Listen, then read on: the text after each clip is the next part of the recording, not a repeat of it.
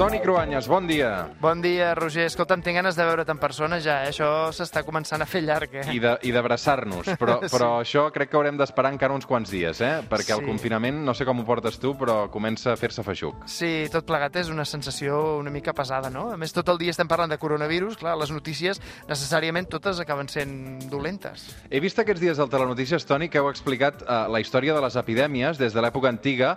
Ho heu fet amb el Toni Tortajada, no? Sí, sí, eh, i ha tingut molt d'èxit, eh? Són unes audiències espectaculars. És una de les coses bones del confinament, em sembla, eh? Que és aquest efecte que la televisió, que treballant amb el Telenotícies hem pogut treballar amb gent d'altres departaments de TV3, que no és habitual, mm. i la veritat és que és un luxe. S'ha confirmat també una cosa que ja intuïa, eh? Que, que la història, de fet, ben explicada, interessa molt a la gent. Com el que fem aquí al suplement, una altra història amb el Toni Cruanyes cada diumenge, eh, just abans de les 9 del matí, Sí. sempre escombrant cap a casa, Cruanyes, eh? Home, és que, a veure, la veritat, moltes vegades des de les teles i també les ràdios eh, es tendeix a pensar que la gent vol entreteniment fàcil o programes eh, morbosos o tertúlies amb gent que es baralla, però també te n'adones eh, de com de poderosa és una bona història, si se sap trobar el to, si es troba el contingut adequat. Amb això, el Toni Tortajada és un mestre, mm. com també aquí a la ràdio l'Enric Calpena és un mestre en saber captar l'atenció, en convertir en amena una història que, si no, podria ser dura d'explicar. Uh -huh. Avui, Toni, eh, deixarem el coronavirus per uns instants de banda, tot i que tractarem la història. En aquest cas, buscarem un vincle amb l'actualitat, una efemèride. De fet, fa només un any, no? Sí, aquí va una pista sobre de què parlarem.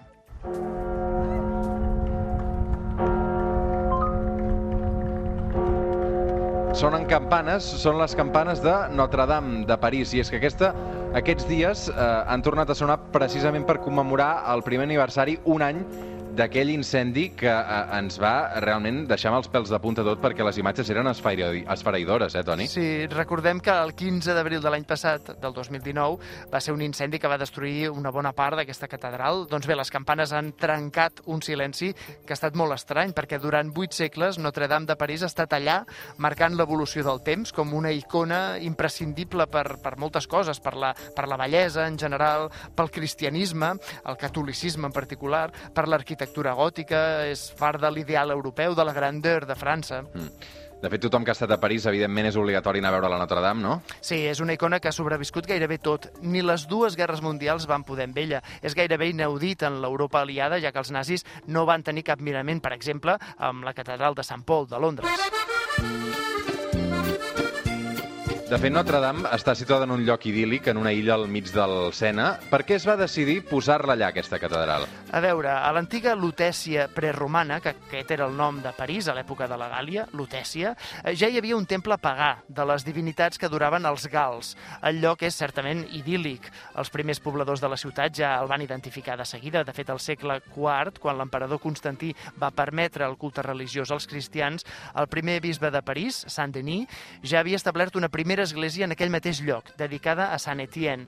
Era, perquè ens fem a la idea, la meitat de la mida de l'actual Notre-Dame. Es va fer a l'estil de l'arquitectura romana de l'època, amb columnes de marbre, amb mosaics a les parets, ens ho podem imaginar. Devia ser una església molt diferent al que veiem ara, no? Sí, molt. De fet, en el Museu de Cluny, al barri llatí de París, hi ha una mostra de com era l'arquitectura romana de París d'aquella època i sembla ben bé una altra ciutat. Però què va passar? Doncs que durant l'època mitjana, durant l'edat mitjana, París es va anar convertint en una gran urbs amb comerç, artesans, estudiants universitaris, religiosos. França també va esdevenir una de les potències econòmiques d'Europa i París es va convertir en la capital de diferents reis. Recordeu que en aquella època les capitals s'establien en el lloc on els reis tenien la cort i a França es va estabilitzar a París pels voltants de l'any 1000. Per això, l'any 1160, el bisbe de París va començar un pla de construcció d'un temple cristià a l'altura de la importància de la ciutat. Sí, aquella construcció va durar dos segles, però és que encara als segles XIII i XIV hi va haver més ampliacions i més modificacions fetes per grans mestres, enginyers i artesans. De fet, era l'època de l'eclusió de l'art gòtic i la catedral de Notre-Dame es va convertir en el més gran exemple d'aquesta nova moda. A més, com al segle XX amb els gratacels, amb aquestes catedrals construïdes amb els contraforts, els arcs en punta típics del gòtic, va començar una conquesta per l'altura, la competència entre ciutats per veure qui tenia la catedral més alta. Il est venu le temps des cathédrales. Mira, això que sentim eh, és d'un musical francès. No sé si t'agraden els musicals, eh, Cruanyes. Sí, una mica, sí. És un musical molt popular als anys 90 dedicat precisament a la catedral de Notre Dame. Retrata aquest món del poder polític religiós de l'edat mitjana a l'entorn de la construcció de catedrals per ser centres comercials i de poder, precisament. Sí, com deies, de vegades els musicals ens serveixen, com per exemple la literatura de ficció, per entendre bé la, la història. Uh, per exemple, la literatura anglesa, la trilogia de Ken Follett, dels Pilars de la Terra, explica una mica aquest període, com aquí també tenim la novel·la que va ser molt popular, La Catedral del Mar, d'Ildefonso Falcones, però abans que tots aquests bestsellers hi va haver la més gran novel·la sobre catedrals que s'ha escrit mai, El Japerut de Notre Dame, de Victor Hugo.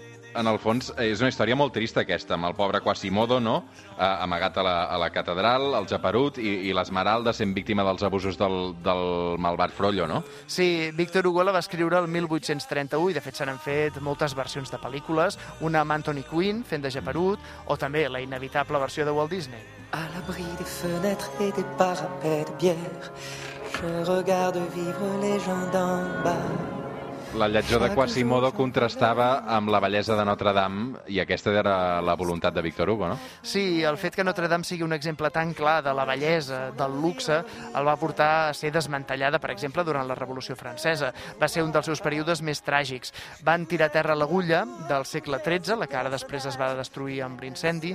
També es va destruir llavors doncs, 28 estàtues de la façana, que eren les dedicades als reis de França, però quan va canviar la política francesa, Notre Dame va tornar a brillar, fins al punt que l'any 1804 Napoleó va fer-se coronar emperador pel papa en una grandiloquent cerimònia a la catedral, amb tot el símbol i autoritat que li atorgava Notre Dame. De fet, el quadre La coronació de Napoleó, de Jacques-Louis David, també s'ha convertit en una icona de la vinculació entre art i poder polític i allò passa a Notre Dame de París. I això que sentim és l'última missa que es va fer a Notre Dame abans de l'incendi d'ara fa un any. Sí, ara diuen que les obres de restauració que havia de durar 5 anys finalment s'allargarà. La raó és que la crisi generalitzada pel coronavirus també està afectant els recursos destinats al govern francès a Notre Dame. No ens lliurem del coronavirus ni parlant precisament de Notre Dame. No. Tu, a París, hi vas estar de corresponsal uns anys, no, Cruanyes? Sí, 4 anys vaig estar. I no vivia molt lluny de Notre Dame, no et pensis, eh? Què tal? Bé, fantàstic. Ho Alguna cosa que no es faltar, pugui explicar d'aquella... Quants anys tenies? Eh, Molt jove, no, allà, o no? Bueno, sí, no, no et pensis, eh? Devia, mira, tenia entre 35 i 39. O sigui, primer que va ser Brussel·les, Londres, París o... Més o menys, no, va ser primer a Londres, que Primer això sí que era molt jove. Ah. Això tenia 25 anys quan estava a Carai. Londres. I després va venir a París, amb un parèntesi de Brussel·les, eh, però, però París va ser fantàstic i tant. Molt bé. I Avui tant, arribarem fins a les 9 del matí amb aquesta cançó. Uh, es diu Petit a Petit, uh, que espero que d'uns grup que es diu Arcadian, es veu. Sí, és conegut, és conegut a França, aquest, sí. Molt bé, molt bé, jo no el coneixia. Uh, Toni Cruanyes, cuida't molt. Que vagi bé.